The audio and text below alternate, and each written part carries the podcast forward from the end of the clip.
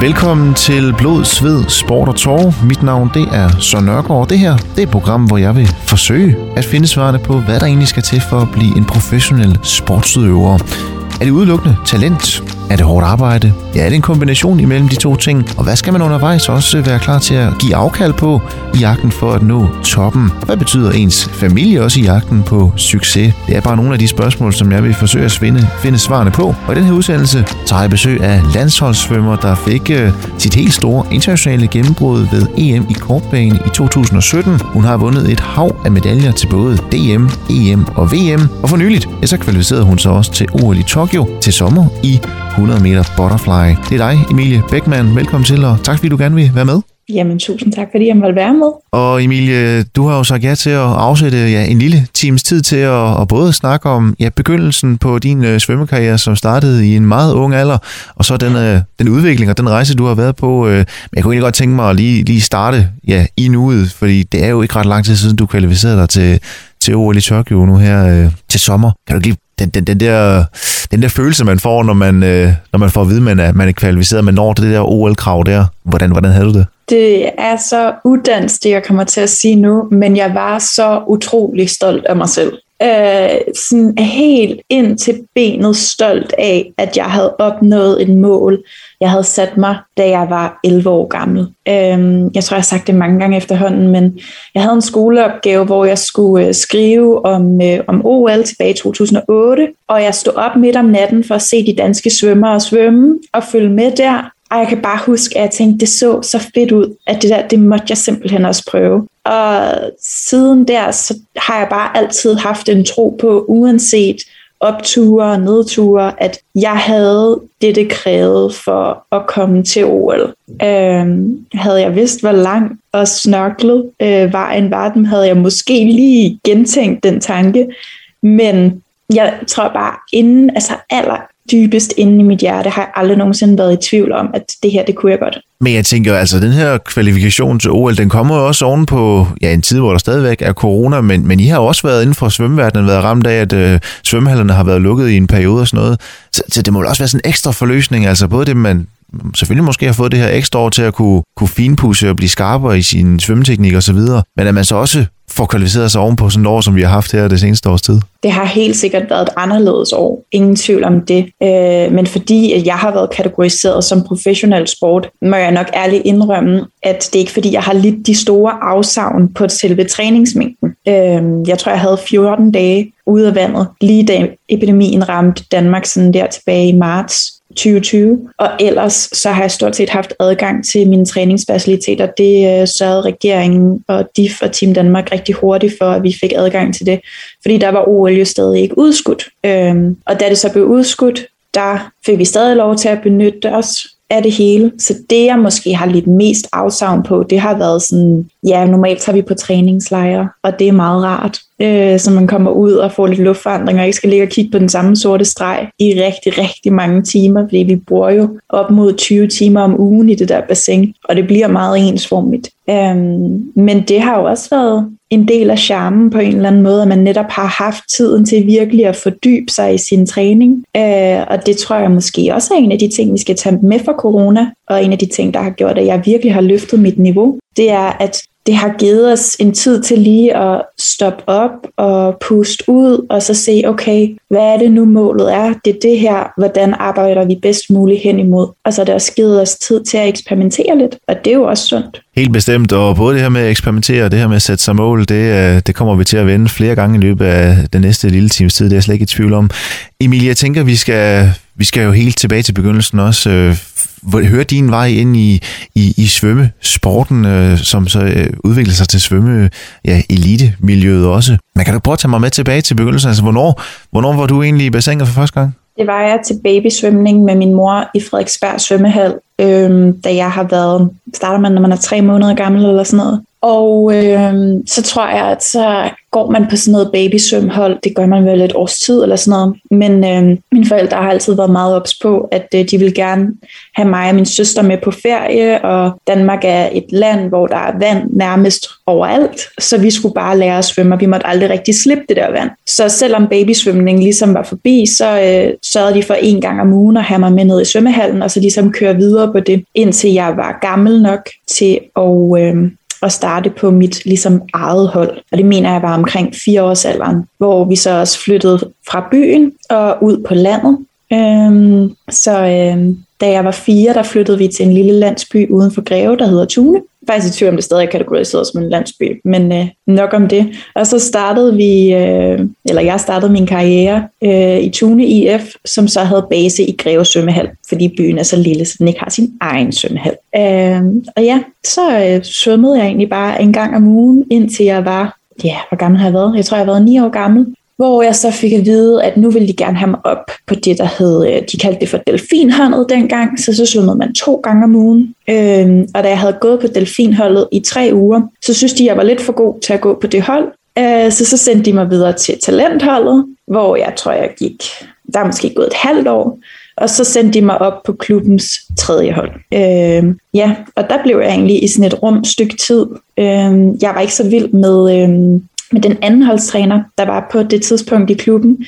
Så jeg blev tilbudt at rykke op, øh, og blev faktisk også rykket op. Men øh, jeg, jeg, havde det, jeg havde det så skidt med at skulle træne under ham, at jeg simpelthen øh, løg mig syg for skole øh, i to uger. Øh, indtil mine forældre ligesom øh, fandt ud af, okay, hun er nok ikke så syg.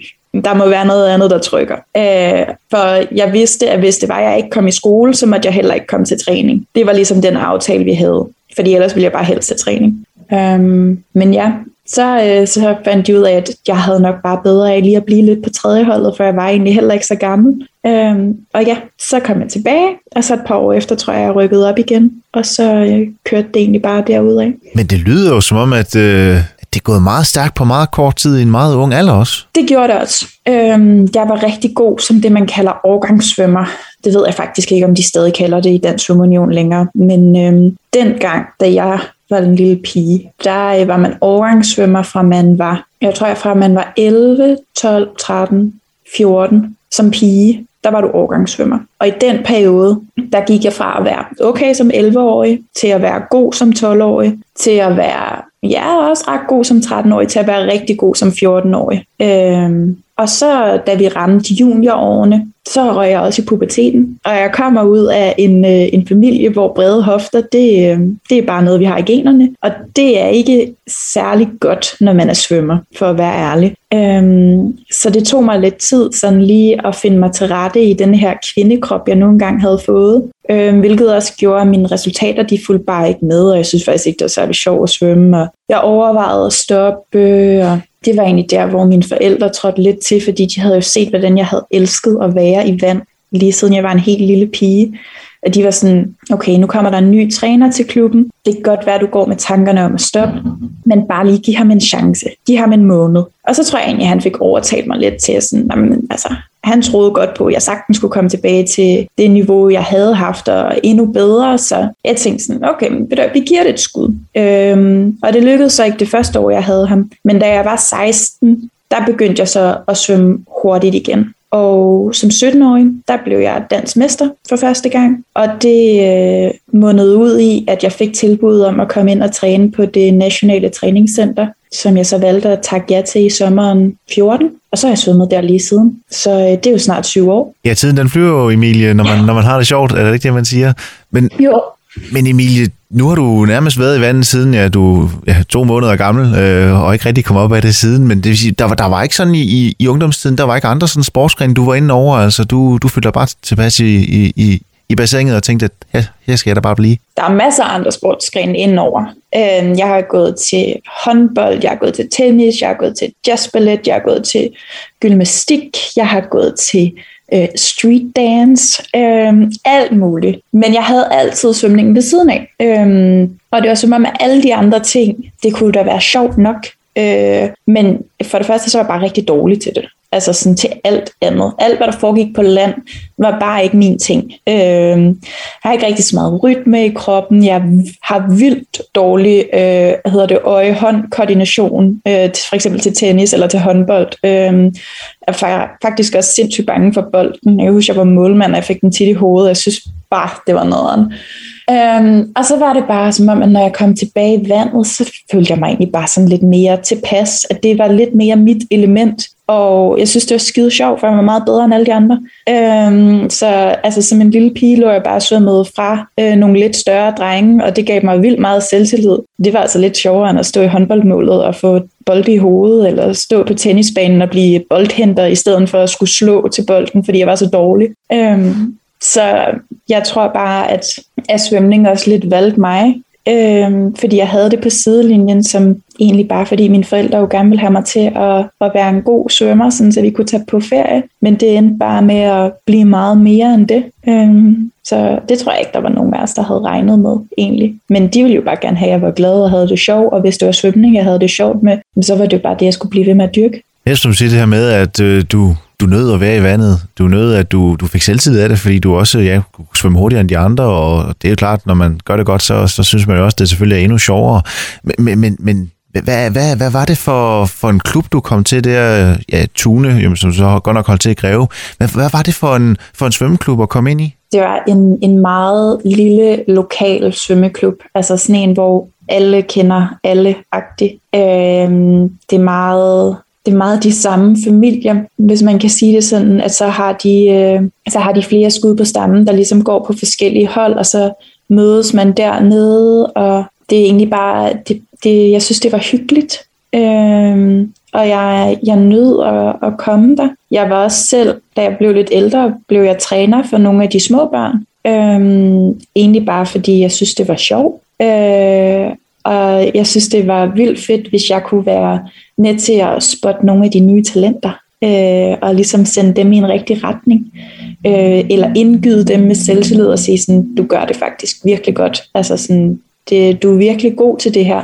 Fordi det var noget af det, jeg nød vildt meget, da jeg startede på de små hold. Det var de der træner, der måske sådan lige så en lidt mere og var sådan lidt, okay, du kan faktisk noget, som der nok ikke er alle, der kan. Og det er jo meget udansk at sige det, øhm, men det giver bare så meget til det individ, som man nu engang fremhæver. Men, men når man som du selv i en meget ung alder får at vide, jamen okay, du er faktisk rimelig god, vi flytter dig, vi vil gerne have dig op på jer først delfinholdet, og så ind i noget talenthold, og så noget tredje. Altså igen, det der med, det går meget stærkt, altså rider man bare med på bølgen, fordi man synes jo, det er sjovt, og man kan også godt se, at man er dygtig til det, så tænker man ikke så meget over det i så ung en alder? Jeg tror, det, der gik sådan lidt sport i det for mig. Der, det var nærmest sådan, hvor hurtigt kan jeg rykke op? Altså sådan, hvor hurtigt kan jeg imponere nogen til, at jeg skal op på det næste hold? Øhm, så jeg tror, altså, det, ja, det var nok bare meget det der rid på bølgen. Tænkte ikke så meget over det. Øhm, men også fordi det var jo sjovt. Jeg kunne godt lide at svømme.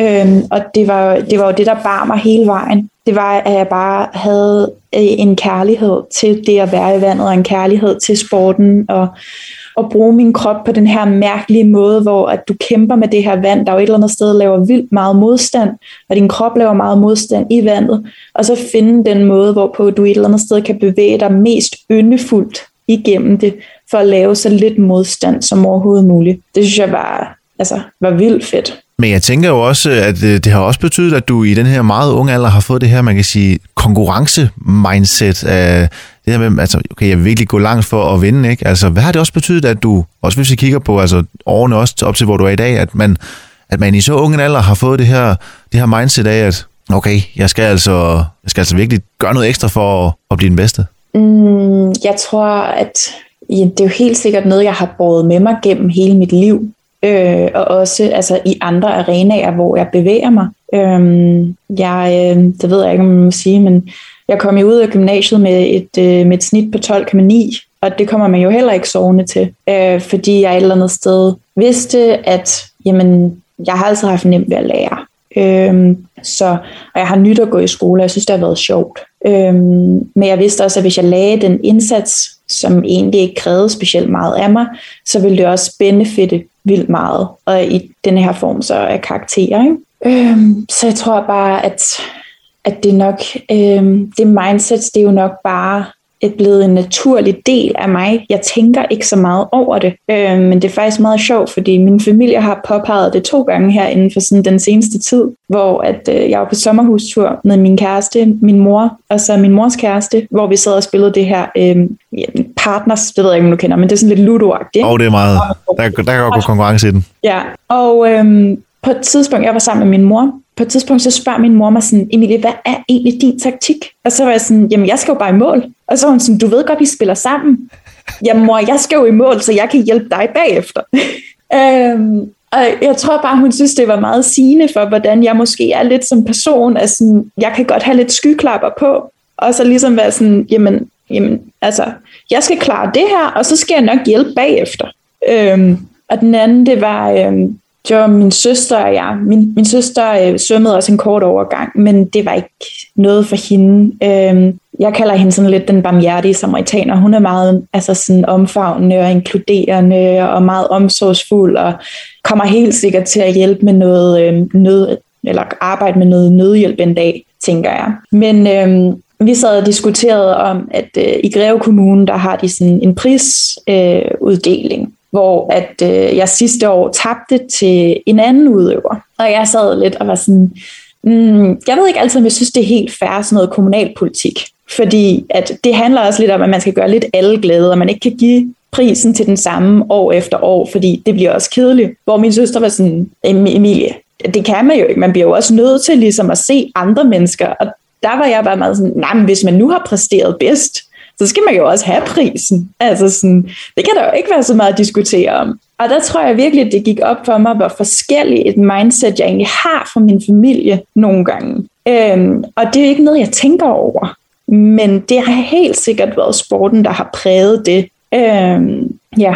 Ja, det er jo noget, der bare har opbygget sig i, i selvfølgelig i løbet af årene, ikke? Nu, nu siger du selv, at din familie, og, og det virker til, at du er, er rigtig, rigtig tæt med din familie også. Hvor meget, hvor meget har de betydet også, altså nu tænker jeg helt tilbage i ungdomstiden også, øh, i den proces, i takt med, at man så også bliver ældre, og man, man stiger hurtigt i graderne, og på et tidspunkt finder du også ud af, okay, det kan godt være, at jeg ikke bare går i den lokale klub, men man begynder også at svømme nogle stævner, tænker jeg, og så øh, finder ud af, at man også kan, kan klare sig godt nationalt. Hvor, hvor meget har, har din familie bakket op om, om din svømmekarriere, også helt tilbage fra, fra ungdomstiden? Min familie har bakket mig op 100% hele vejen.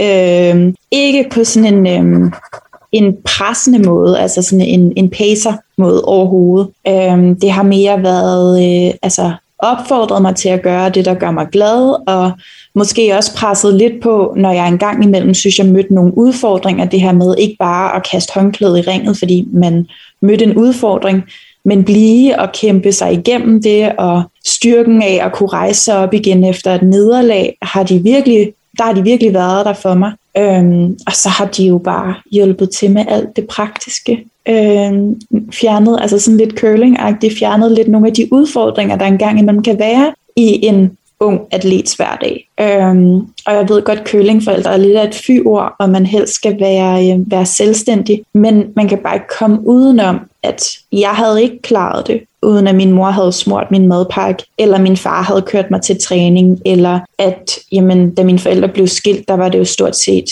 øh, alle fire forældre, der ligesom blev inkluderet i, øh, i min svømning og kørte mig til og fra træning, fordi der var bare for langt til at cykle til hallen. Øh, og morgentræningerne klokken ja, fem, halv seks var ikke lige en lille pige, der skulle ud og cykle 10 km inden, at øh, hun skulle til morgentræning. Så, øhm, så de har været der hele vejen igennem, og øh, jeg vil ikke være jeg vil ikke være kommet igennem det uden dem. For ja, dagene startede jo klokken 5, og så sluttede de klokken 7-8 om aftenen, og det var ligesom der, jeg kom hjem. Øh, og jeg havde været heldig, hvis jeg kunne have nået at lave mine lektier. Men ellers så havde jeg lige en time fra 8 til 9 til at lave de der lektier. Og nogle af dem, dem måtte jeg nok også bare lige uh, fake it till you make it øh, i skolen næste dag. Så, så jeg er, er virkelig glad for, at mine forældre har haft overskuddet til at, at være der for mig i den grad, de har kunnet. Nu nævner du også selv øh, balancen mellem øh, sin idræt, sin passion, svømning, og så selvfølgelig også uddannelsen. Det er noget, det vi snakker videre om lige efter et kort stykke musik.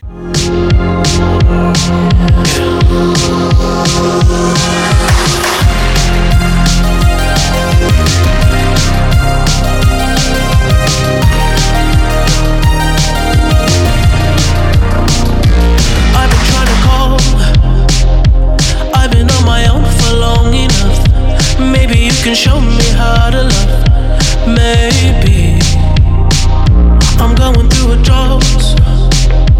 You don't even have to do too much. You can turn me on with just a touch, baby.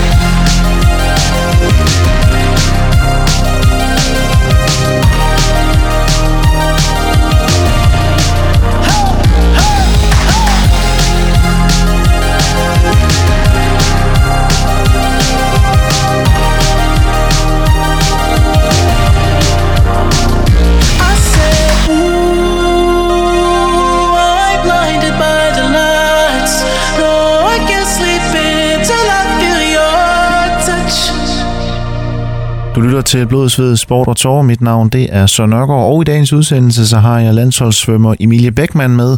Og Emilie, nu har vi snakket meget om øh, din ungdoms vejen ind til svømning, øh, som startede allerede i, i en ja, alder af to-tre måneder, hvor du gik til babysvømning, og så siden da har du faktisk ikke rigtig bevæget dig ud af bassinet. Du svømmer stadigvæk og gør det på eliteniveau. Hvornår finder du egentlig ud af, altså hvor gammel er du, da du finder ud af, at okay, det her, det, det kan jeg godt drive til noget mere end bare talentholdet i, i den lokale klub? Øhm, hvor gammel er jeg der? Det er nok i, i 2009, mener jeg. Så der er jeg 12 år gammel. Der får jeg en træner, der sådan hiver mig til side og siger, Emilie, du har virkelig et talent for det her. Og du kan, hvis du vil, virkelig nå det ypperste. Øhm, og han satte sig ned og sådan, prøvede egentlig sådan lidt at få mig til at forstå, hvad er det for nogle udviklingstrin, øh, som jeg øh, ville skulle igennem. Hvad er der af store stævner, sådan, øh, som vil være mulige at opnå, og i hvilke år ligger de, og hvor gammel vil jeg være, og hvor hurtigt vil jeg nogenlunde cirka skulle svømme. Altså kan jeg huske, han lavede sådan nogle kurver med øh, de tider, jeg svømmede nu, og hvis man sådan sagde, at jeg forbedrede mig x antal procent om året, så vil jeg kunne nå det og det og det. Og så var der så nogle forskellige grafer med nogle øh, forskellige procenter. Men jeg kan bare huske øh, sådan ham især som træner, der virkelig gjorde en forskel i mit mindset om, hvad det var, jeg egentlig kunne. For før det, der gik jeg nok primært til svømning, fordi jeg synes, det var sjovt øh, at svømme hurtigt. Øh, jeg synes, det var sjovt at konkurrere til træning. Men det var også mega hyggeligt at være til træning, for mange af mine allerbedste venner var der også. Øhm, når, da jeg var 12, der trænede jeg måske seks gange om ugen eller sådan noget. Så der brugte jeg ret meget tid sammen med øh, mine holdkammerater, og dermed så blev de også hurtigt nogle af mine bedste venner, fordi det er lidt anderledes end dem, du ser i skolen. Det er, øh, det er nogle personer, som kommer lidt øh, længere ind under huden på dig, fordi du ser hinanden i så pressede situationer, hvor at det ikke altid er den bedste version af dig selv, der ligesom kommer frem der. Og alligevel så holder de af dig. Og alligevel så får man det her en underlig form for sammenhold, fordi man alle sammen kæmper for lidt det samme mål om at blive den bedst mulige svømmer. Ja, fordi, ja, fordi hvordan, hvordan er det egentlig det der med, at man... Det er, jo en individuel sport, men man, som du siger, man, man har jo stadig den her ja, familiefølelse, den her fællesskabsfølelse, fordi man på landsholdet er man jo sammen, og der er jo selvfølgelig også medley, hvor der er noget holdkamp, man kan svømme. Men ellers så er man jo meget... Altså, det er jo ens egne præstationer, der afgør, om man står på skamlen, eller om man ender sidst. Ja, og, al- altså, og alligevel, ikke? fordi vi træner jo sammen i hold, og det gør vi af en grund. Øhm, det her, den her respekt og det ansvar, vi nogle gange har over for hinanden på holdet, med at vi møder op til træning, vi møder ind til tiden, vi kommer, vi giver hele vores hjerte, vi giver os 100% hver gang vi er her. Man kan sige, det er lidt sådan en, en uofficiel kontrakt, man laver med hinanden, øh, og man presser hinanden for at få det bedste ud af ikke bare sig selv, men også personen på banen ved siden af. Øhm, og så kan det godt være, at du måske ikke træner med din nærmeste konkurrent, og det vil være lidt svært. Men nu er det jo så heldigt, at vi træner blandet hold, øh, så der vi træner både drenge og piger. Og det vil sige, at nogle af de drenge, der måske svømmer øh, de lidt langsommere stilarter, så rygkrol eller brystsvømning, dem kan sådan en som øh, jeg, der svømmer butterfly, eller nogle af de andre piger, der svømmer crawl, godt ligge og konkurrere lidt med. Og på den måde, så kan man godt sådan finde nogen, hvor man kan være rimelig, øh, sådan, ja, jeg vil sige even, altså sådan, at man svømmer nogenlunde lige hurtigt, og så bruge hinanden på den måde.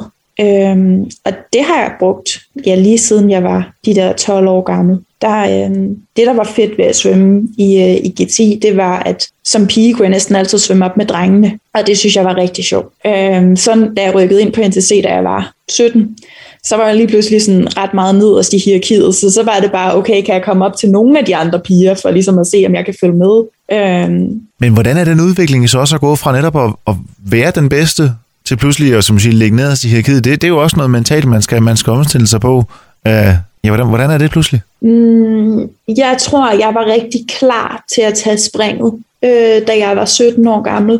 Øh, fordi der havde jeg ligget i min klub og været den bedste og i rigtig lang tid. Og måske ikke følt, at jeg blev presset helt nok til træning. Så jeg synes, det var mega fedt at komme et sted hen, hvor at der var nogen, der svømmede meget hurtigere end mig, fordi det giver også et perspektiv. Øh, det åbnede mine øjne for, okay, hvor meget kan man egentlig drive det her til?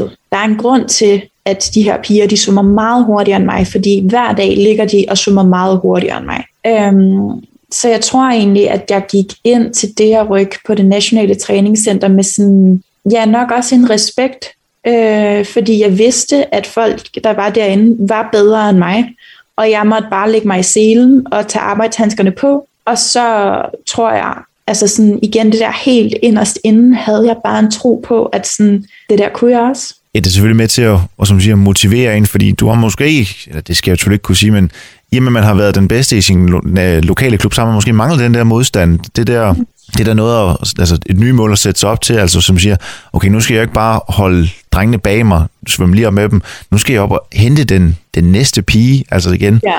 som siger, hele tiden sætter det der nye mål, ikke? Helt sikkert. Øh, og så tror jeg også bare det der med altså, at skifte miljø. Jeg er mega glad for, at jeg gennem hele min karriere, så det vil sige snart 20 år, har været i, øh, i Tune IF, og øh, der er et startfællesskab øh, i GTI, og mega glad for, at jeg har været der, og jeg har kunne være der, men også glad for, at de ligesom støttede mig i, da jeg kom og sagde, jeg tror, jeg skal videre nu. Øhm, at de bare var helt cool med det. Og det hjalp selvfølgelig, at jeg ikke skulle skifte klub, kan man sige. Men at de bare skulle videregive mig til Dansk Svømmeunions projekt. Øhm, men ja, Men i takt med, at du begyndte at, at træne mere, at træne de her seks gange om ugen, der er både morgentræning, og der er selvfølgelig eftermiddag og aftentræning. Jeg tænker også, i takt med, at du også er, som du siger, du kommer i puberteten, kommer op i teenageårene, man begynder på gymnasiet osv. Altså, der er vel også øh, nogle, nogle fester, du har, har måttet sige farvel til, øh, hvis ikke nærmest dem alle sammen. Hvad, hvad er det også for en balance? Fordi man vil jo også gerne have et liv uden for svømningen, men som sagt, man skal jo også være klar til stævnerne i, i weekenderne. ja. Øhm, jeg har altid haft det så ambivalent med det spørgsmål, fordi det er der virkelig mange, der har stillet, om jeg ikke har lidt et, et afsavn øh, i mit ungdomsliv. Øhm, og det føler jeg egentlig aldrig nogensinde, jeg har gjort.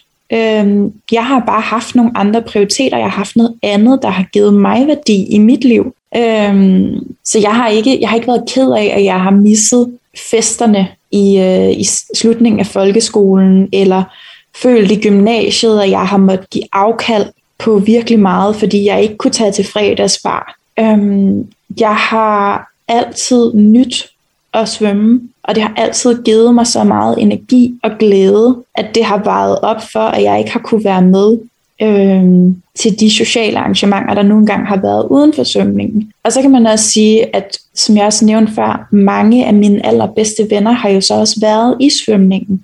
Og de har givet afkald på samme mængde, i højere eller mindre grad, kan man sige. Øhm, så jeg har egentlig følt mig nok altid bedre forstået og mere mig selv øh, i blandt mine holdkammerater, end, øh, end blandt mine, ja, dem, jeg har gået i, i klasse med i folkeskolen og gymnasiet. Ikke fordi de ikke har været søde eller helt fantastiske mennesker, men vores prioriteter har jo bare ligget forskelligt, øh, og nogle gange kan det være svært at forstå, og især måske i folkeskolen, hvor man er meget ung, og sådan det der med at, at sige nej, det kan være sindssygt svært. øhm, men jeg har altid været ret bevidst omkring, hvad jeg gerne vil og hvad jeg ikke vil, øh, og lyttet meget til min intuition. Og der har jeg bare vidst, at, at svømningen har været vigtigere for mig, og det har været det, der har givet mig glæde. Så det vil jeg til enhver tid vælge. Øhm, så først var sådan helt enkelt på det, så har jeg aldrig nogensinde følt et afsavn ved at sige nej. Og, og det, er jo kun, det er jo kun fedt at høre, fordi det er jo noget af det, som, som mig som aldrig har dyrket sport på, på højt niveau. Man kan godt, som siger, man kan godt have den der antagelse af, oh, men altså, det må også være hårdt at skulle sige nej til fester hver uge, og så ved jeg, men igen, hvis man har, som du siger, prioriteringen, der hedder, jamen, jeg vil gerne noget inden for min sport, så jeg, jeg har ligesom gjort op. Altså, det betyder, at jeg kan ikke drikke mig fuld hver fredag, hver lørdag, fordi der skal altså ligge i bassinet og enten træne eller, eller svømme stævner, ikke? Så det handler om, om, om prioriteringerne. Lige præcis, og det betyder jo ikke, at jeg aldrig nogensinde drikker mig fuld, eller jeg aldrig nogensinde tager til fest. Det betyder bare, at jeg har måske to-tre gange om året, hvor det kan lade sig gøre i sådan et vindue af to uger-agtigt. Øhm, og så skal jeg nok også give den gas der, og ligesom prioritere det der, men alting til sin tid. Øhm, og, ja. og Emilie, du har jo så også efter gymnasiet, samtidig med at du stadigvæk øh, dyrker, dyrker svømning på rigtig højt plan, så er du også øh, i gang med at tage en uddannelse. Du læser på KU, har i hvert fald gjort det. Men. Og gør det stadigvæk. Det snakker vi videre om lige efter et kort stykke musik.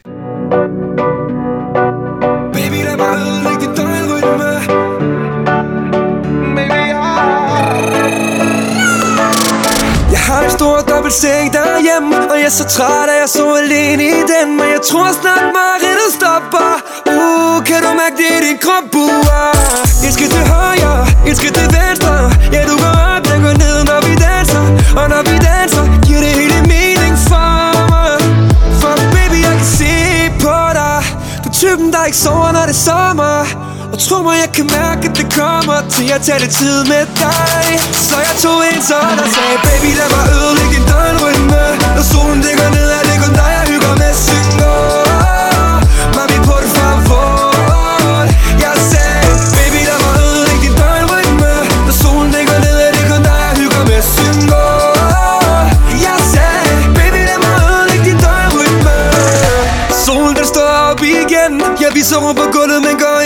sengen For det første nu champagne, det popper Uh, kan du mærke det i din krop, uh Et skridt til højre, et skridt til venstre Ja, du går op, jeg går ned, når vi danser Og når vi danser, giver det hele mening for mig For baby, jeg kan se på dig Du er typen, der ikke sover, når det er sommer Og tro mig, jeg kan mærke, at det kommer Til at tage lidt tid med dig Så jeg tog en sådan og sagde Baby, lad mig ødelægge din døgnrytme Når solen det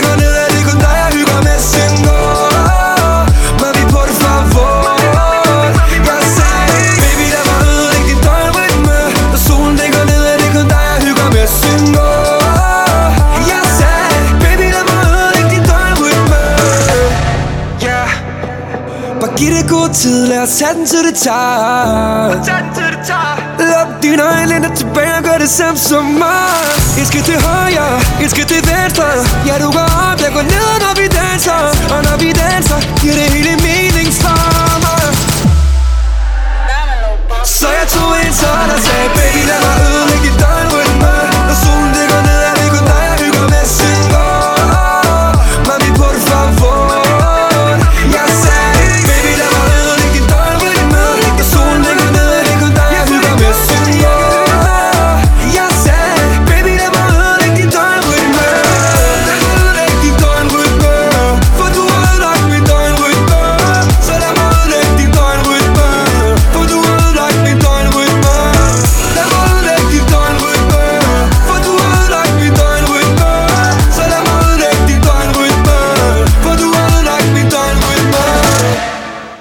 stadig til Blodsved, Sport og Tor. Mit navn det er Søren Nørgaard, og i den her udsendelse så har jeg landsholds- og elite-svømmer Emilie Beckmann med. Og Emilie, vi har været rigtig godt omkring din ungdom, din vej ind i, øh, ind i svømmemiljøet, og ja, den udvikling, du egentlig har taget med i en rigtig ung alder og blive flyttet hurtigt op igennem øh, et, på de forskellige hold og fundet ud af, du var egentlig rimelig god til, til svømning, og så også kom ind omkring øh, landsholdet, også i en, i en tidlig alder, øh, i hvert fald det nationale øh, træningscenter. Du har så også fået forklaret, at øh, du har jo egentlig altid haft den der indstilling af, jamen det er svømningen, det er det, du føler dig bedst tilpas. Så det der med, jamen, at du ikke har fyldt afsavn i gymnasiet, øh, fordi du måske ikke lige var med til alle fester osv., det har egentlig ikke fyldt så meget. Men du har så også valgt nu her ved siden af svømning og, og i gang med at tage en uddannelse på, på KU, øh, Københavns Universitet. Hvad betyder det for dig og så have det ved siden af svømning, altså selvom du stadig ligger rigtig mange timer i din, øh, din svømning med, med rigtig mange øh, træninger og, og, og stævner selvfølgelig, men at du så stadigvæk har det her liv ved siden af med din uddannelse?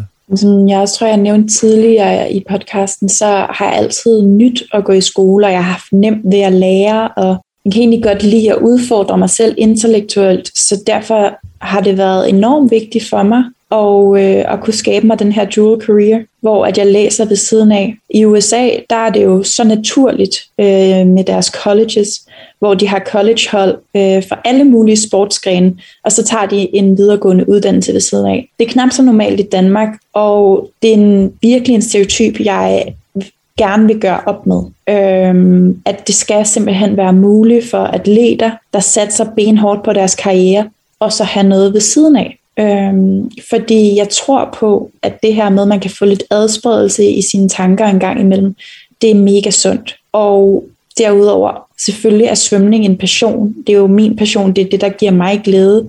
Men det slutter også på et tidspunkt. Og så vil jeg gerne have fundet en passion, der ligesom kan tage over, sådan så jeg ikke ender i et form for tomrum. Det skal der nok opstå alligevel. Men sådan et, et dybt, klart tomrum, hvor at der bare ikke er noget glæde i livet. Det tror jeg sådan lidt, jeg frygter ved at skulle, øh, at skulle stoppe på den anden side, uden at have fundet noget, der giver mig vildt meget glæde eller kampgejst, og øh, noget, jeg kan kaste min energi over. Så det der med at et eller andet sted få opbygget, så man ikke kun er identiteten Emilie Beckmann, svømmeren, men at man som siger også har det civile liv ved siden af. Lige præcis. Øhm, ja, så du har noget, du kan, du kan falde tilbage på, og som du kan bygge videre på. Jeg, øh, jeg ser jo ikke min svømning som om, at det bare, når man, det er bare kapitel, og når det er færdigt, så bliver det ligesom lukket. Altså fordi man lærer jo så mange ting i sporten, og om sig selv som menneske, som jeg tror, det er de færreste unge mennesker, der ikke dyrker sport på det her plan, der får den gave så tidligt af at kende sig selv så godt. Vide præcis, hvor ens egne grænser er, vide, hvor er ens mentale barriere, hvad kan man arbejde med, hvad er, man, hvad er ens styrker. Øhm, så det er ikke fordi, at jeg ikke ser sporten som en, en uddannelse i sig selv, for det føler jeg virkelig også, det er. Men kan man kombinere det, man lærer om sin egen person, og så have noget viden fra en universitetsuddannelse, eller en professionsbachelor, eller en, det kan også være en håndværksuddannelse, og ligesom kombinere de to, så tror jeg bare, at man står enormt stærkt på den anden side af sin karriere, øh, klar til at, at tage en ny udfordring op. Men jeg tænker, man skal jo stadigvæk også øh, igen have have prioriteterne på plads, fordi du bruger stadigvæk rigtig mange timer om ugen på, på din svømning. Hvordan får du egentlig passet svømning og, og det at læse på universitetet sammen? Øh, er du også medlem eller en del af sådan noget elitesports øh, forløb, sådan så man kan tage, altså strække uddannelsen ud over flere år, eller er det bare ben, benhårdt på, og så, så får vi det passet sammen begge dele, eller hvordan? Det er lidt omstændigt, øh, og nu kan jeg selvfølgelig kun tale ud for KU, Øhm, fordi jeg mener, det er lidt anderledes på nogle af de andre universiteter rundt omkring i Danmark. Øhm, men på KU er de ikke altid super fleksible med, øh, med elitesport. Så det er meget... Øh, jeg har sidste år, da OL skulle være afholdt i 2020, havde jeg valgt at tage overlov, øh, som jeg havde fået øh, dispensation til at tage. Øhm, så blev det ligesom udskudt OL, og så gav min overlov ikke så meget mening. Øh, så så fik jeg også lov til at, øh, at skrive mig ind på studiet igen, og så tage to fag midt i semesteret. og så læse dem op. Øhm, det har måske været det mest fleksible KU har været. Øhm, ellers kan det godt være lidt svært for eksempel at få rykket eksamener, øh, hvis de ligger oven i øh, nogle forberedelser til for eksempel VM, havde jeg problemer med et år. Øhm, eller generelt bare måske lige få rykket ting en uges tid, hvis det ikke lige passer ind i forhold til træningen. Det var noget, jeg var meget, meget vant til med gymnasiet, men skiftet mellem gymnasiet og universitet er bare lidt mere besværligt. Øhm, og så tror jeg også, at universitetets prioriteter ligger måske ikke i, at, øh, at sportsudøverne skal have de, de nemmeste vilkår, men nok mere, at det skal, de skal være det bedste prioritet og drive den bedste forskning. Øhm, så jeg får det til at fungere, men det kræver et planlægningsarbejde. Og det er også kommet bag på mig, hvor, hvor meget det egentlig kræver. Øhm, og jeg tror, den hjælp, man får i gymnasiet, i hvert fald fra Team Danmark, den har jeg måske lidt øh, underkendt værdien af, fordi det var så nemt at gå i gymnasiet. Der var, der var ingen problemer nogensinde med noget som helst, der havde med sport at gøre. Øhm, på universitetet, der, er det, der skal der kæmpes lidt mere. Du kan ikke bare lige ringe til en, og så er det ordnet. Der skal det igennem altså de helt byråkratiske veje, og så skal du sidde og vente på svar på dine dispensationsansøgninger. Øhm, så det kan godt blive lidt rigidt en gang imellem. Øhm, og hvis jeg sådan skal beskrive min egen vej på universitetsuddannelsen, så har jeg også strukket min bachelor fra den varede tre år til, at jeg ender med at, at have fire og et halvt år. Og det er så lidt på grund af, at OL kom, at blev udskudt, og sådan, at det lige blev skudt et år mere, eller et halvt år mere, end øh, det var nødvendigt. Men det var sådan, det ligesom faldt bedst i hak. Så jeg tog første semester på nummeret tid, øh, og det var, det var skide hårdt. Det, øh, det var både den bedste beslutning og den værste beslutning nogensinde.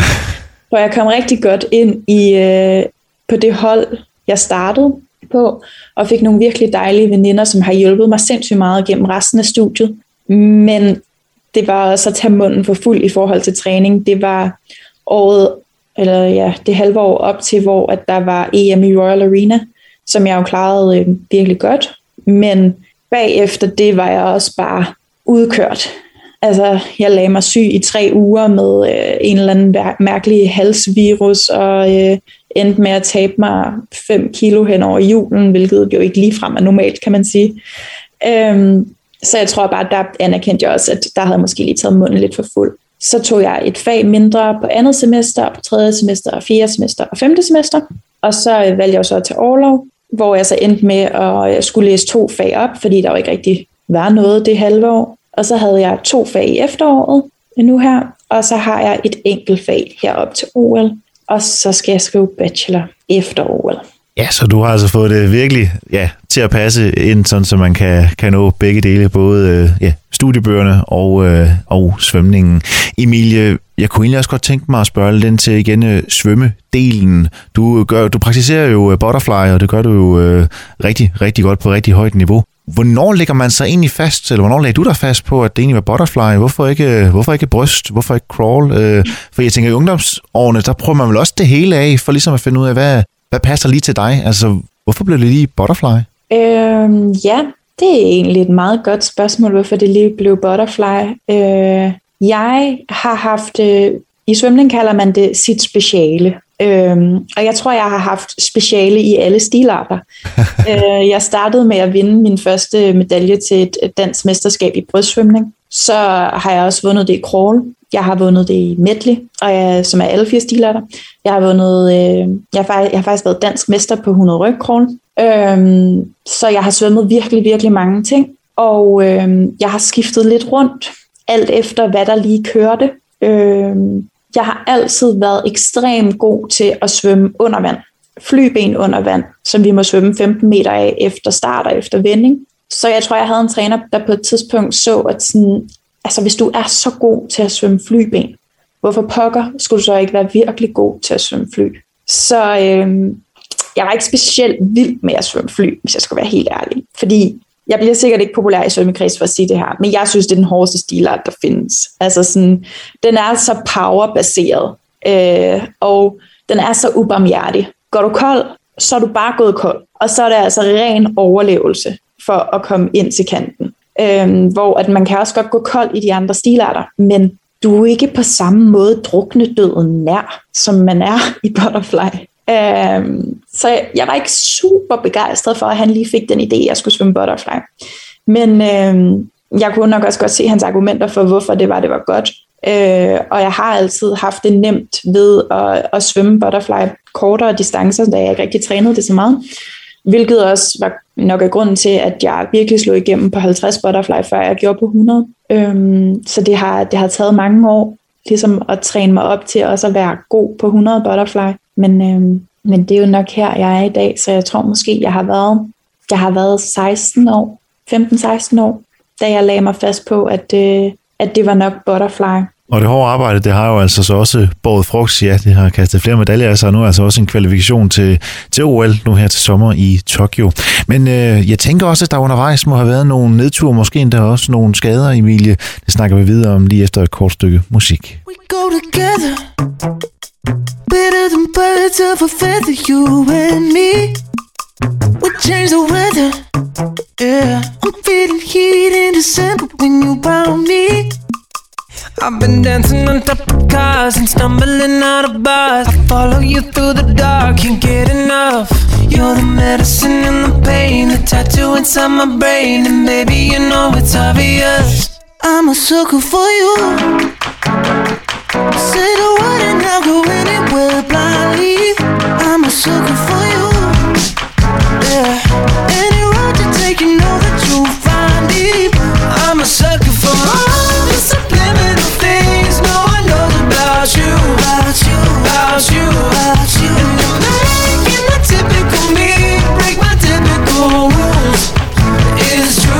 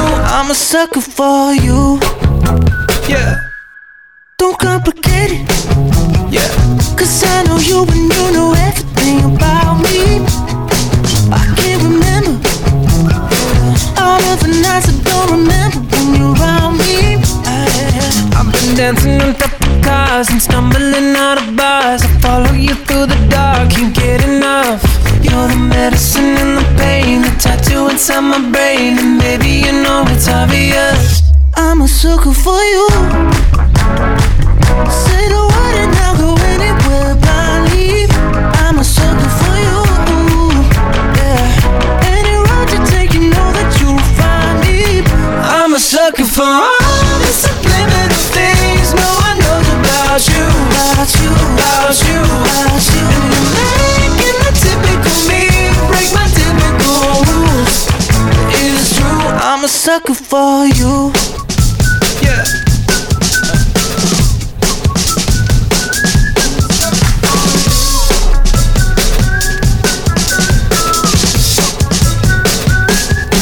I've been dancing on top of cars and stumbling out of bars. I follow you through the dark, can't get enough. You're the medicine and the pain, the tattoo inside my brain, and maybe you know it's obvious. I'm a sucker for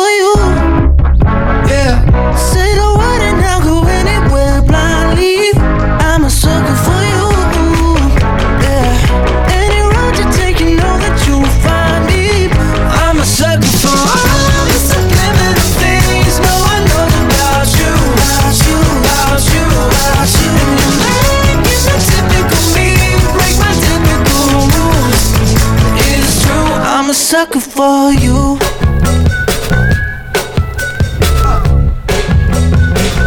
I'm a sucker for you. Du lytter fortsat til Blod, Sved, Sport og Tårer. Mit navn det er Søren Nørgaard, og i den her udsendelse så har jeg øh, elitesvømmer Emilie Beckmann med. Og Emilie, vi har efterhånden været rigtig godt omkring din, øh, ja helt tilbage ungdomstiden, vejen ind til svømning, tiden op igennem øh, folkeskolen, universitet eller gymnasiet først, og så nu altså også, at du er i gang med en uddannelse ved siden af på Københavns Universitet. Vi har også lige omkring, at øh, du praktiserer butterflyen. Du var egentlig rigtig god til det meste, lyder det jo til, men øh, det blev altså butterflyen, der, der fik overhånden øh, for efterhånden en del år siden. Men jeg tænker også undervejs, jeg ved godt, det lyder til, at du har været, du har været nærmest naturtalent fra, fra de helt unge år af, men der må også have været nogle nedture undervejs, øh, både i ungdomstiden, men, men så sandelig også, øh, når man er kommet op og har, har dykket det på det her elite-niveau.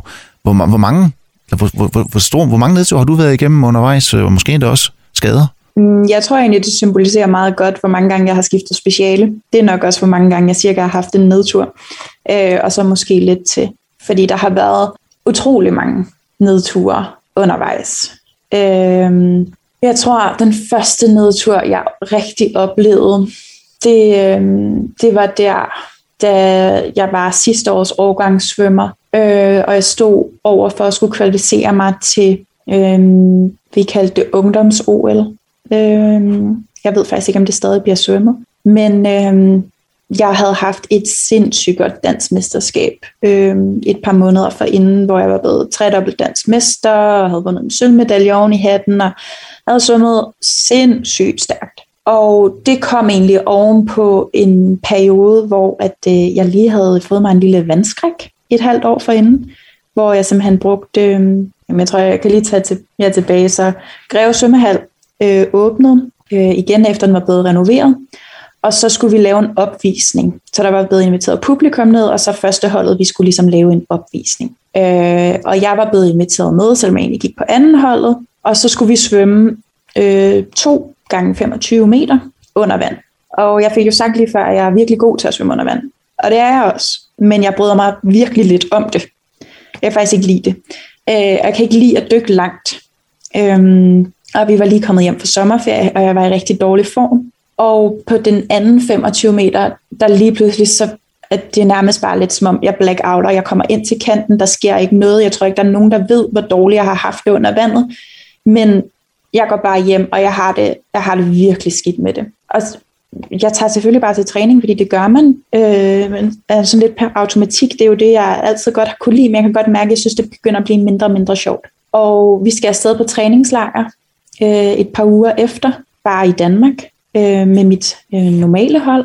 Og til det første træningspas, min træner kan slet ikke få mig i vandet. Altså overhovedet. Jeg begynder bare instantly at græde. Øhm, så vi bruger hele den træningslejr på bare at prøve at få mig i vandet. Øh, og nogle gange er det bare sådan det her med at sidde nede i vandet og være i vandet, øh, der kan flippe mig helt ud. Og det ender med, vi er der i 10 dage. Og jeg tror, at de sidste tre dage, der er, jeg, der er jeg med, og jeg svømmer. Jeg svømmer ikke noget, der er hårdt. Og sådan, der kæmper vi egentlig hele den periode ind til, til DM med, at, at jeg skal være i vandet, og jeg skal kunne, kunne yde det, jeg nogle gange gjorde, inden jeg havde den oplevelse, uden at være bange, for jeg var sindssygt bange for at drukne. Øhm, og så gik det mega, mega godt, og jeg stolede virkelig på min træner, der havde fået mig i vandet igen og i gang igen.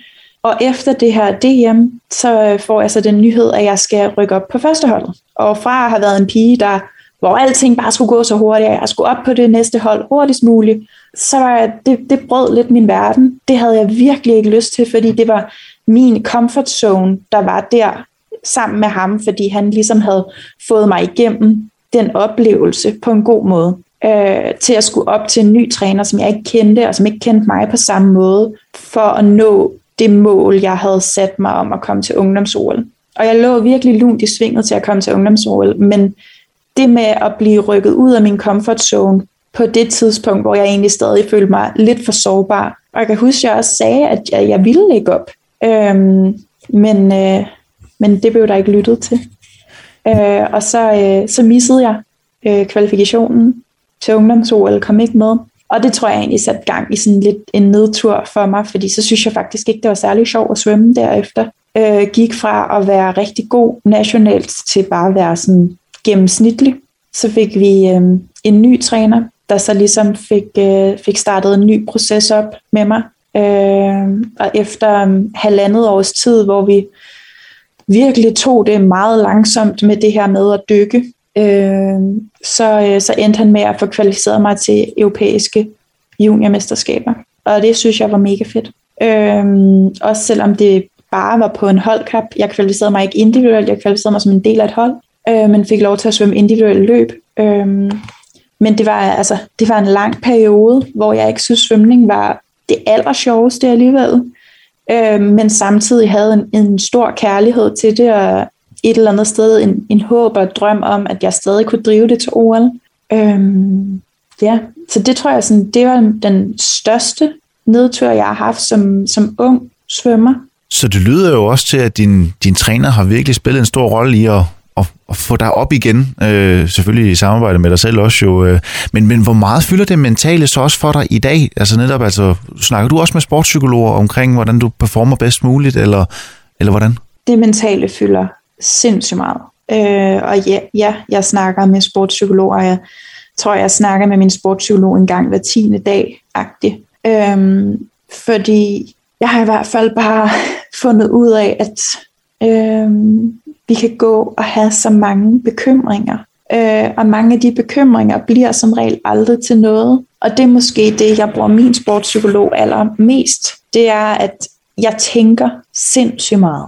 Jeg har tusind tanker. Og det hjælper mig rigtig meget at sige dem højt en gang imellem. Og så kan man sige, kunne du ikke bare bruge dine venner, eller dine forældre, eller noget nær familie til det? Men de er bare, de er lidt vivlet ind i det på en eller anden måde. Så jeg har nogle gange brug for bare lige at tømme mit hoved, fordi så ved jeg, at jeg er klar til at præstere. Øhm, jeg har fundet ud af, at når jeg svømmer allerbedst, så tænker jeg ikke så meget. Øh, jeg tænker ikke rigtig på noget. Jeg, jeg kan huske, at øh, pigerne fra studiet, de spurgte mig her for et par dage siden, sådan, hvad tænker du egentlig på, når du, øh, når du synes, svømmer 100 butterfly? Og jeg er sådan, ja, afsted, afsted, afsted. Husk at puste ud. Kom så. Altså sådan meget simple tanker, ikke? hvor at lige nu og generelt i mit liv tænker jeg sindssygt meget over tingene, og jeg kan gå og, og spænde lidt i mit hoved om, at det nærmest, jeg nærmest laver sådan en snoretop, hvor man lige får tænkt, ja, overtænkt er det vel egentlig bare. Og jeg er god til at overtænke. Jeg tror, det, det er sådan bare det, jeg gerne vil sige. Jeg er sindssygt god til at overtænke tingene. Men så er det jo så også fedt, at man netop kan, kan snakke med nogen, som også altså igen kan sætte sig ind i dine i, i, i det, du går og laver til daglig, og hvordan man, så, de så kan hjælpe en.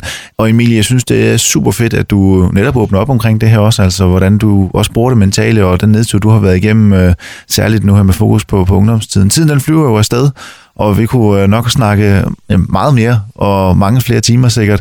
Men her til sidst, Emilie, kunne jeg også godt tænke mig at, at lige høre lidt dit råd til, til unge folk, som øh, enten er på vej ind i svømningen, en anden sportsgren, øh, i hvert fald går og ser op til måske sådan en som dig, og tænker, jeg vil gerne være den næste Emilie Beckmann.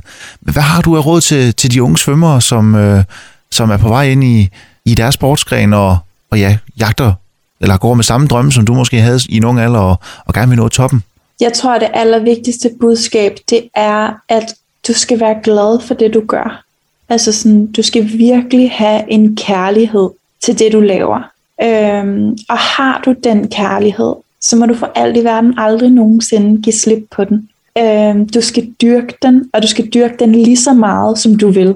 Lige så meget, som du har brug for. Og der er ikke nogen, der nogensinde skal bestemme, hvor meget du skal dyrke den. Øhm, har du lyst til at træne lidt? Har du lyst til at træne meget?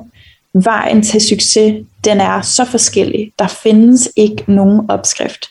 Øhm, det er i hvert fald de briller, jeg har på nu, efter at have været i, lad os kalde det systemet, i rigtig, rigtig mange år, at folk kan træne så forskelligt og nå stort set de samme mål. Øh, men fællesnævneren er, at de har en inkarneret kærlighed til det, de laver. Øh, og uden den ubetingede kærlighed, der er, når du finder din passion, der er jeg ikke sikker på, at man når toppen. Fordi det kræver netop, at man ikke føler, at det er et afsavn, når man ja, offrer noget for sporten. Men at alt er et positivt tilvalg. Øhm, ellers så tror jeg, at man, øhm, at man får det svært senere i livet, for der er mange ting, man skal sige nej til. Men har du den her kærlighed, og dyrker du den, så vil det på, aldrig, på intet tidspunkt føles som et ægte nej. Og Emilie, jeg synes, det er en helt perfekt afslutning på øh, den her ja, sidste time snak. Jeg siger mange tak, fordi du gerne vil være med, Emilie, og så, så glæder jeg mig rigtig meget til at se dig i, til OL øh, nu her til Tokyo til sommer, og håber, at det selvfølgelig også kommer til at gå rigtig godt. Emilie, mange tak for din tid. Tusind tak, Søren, og tak fordi jeg måtte være med.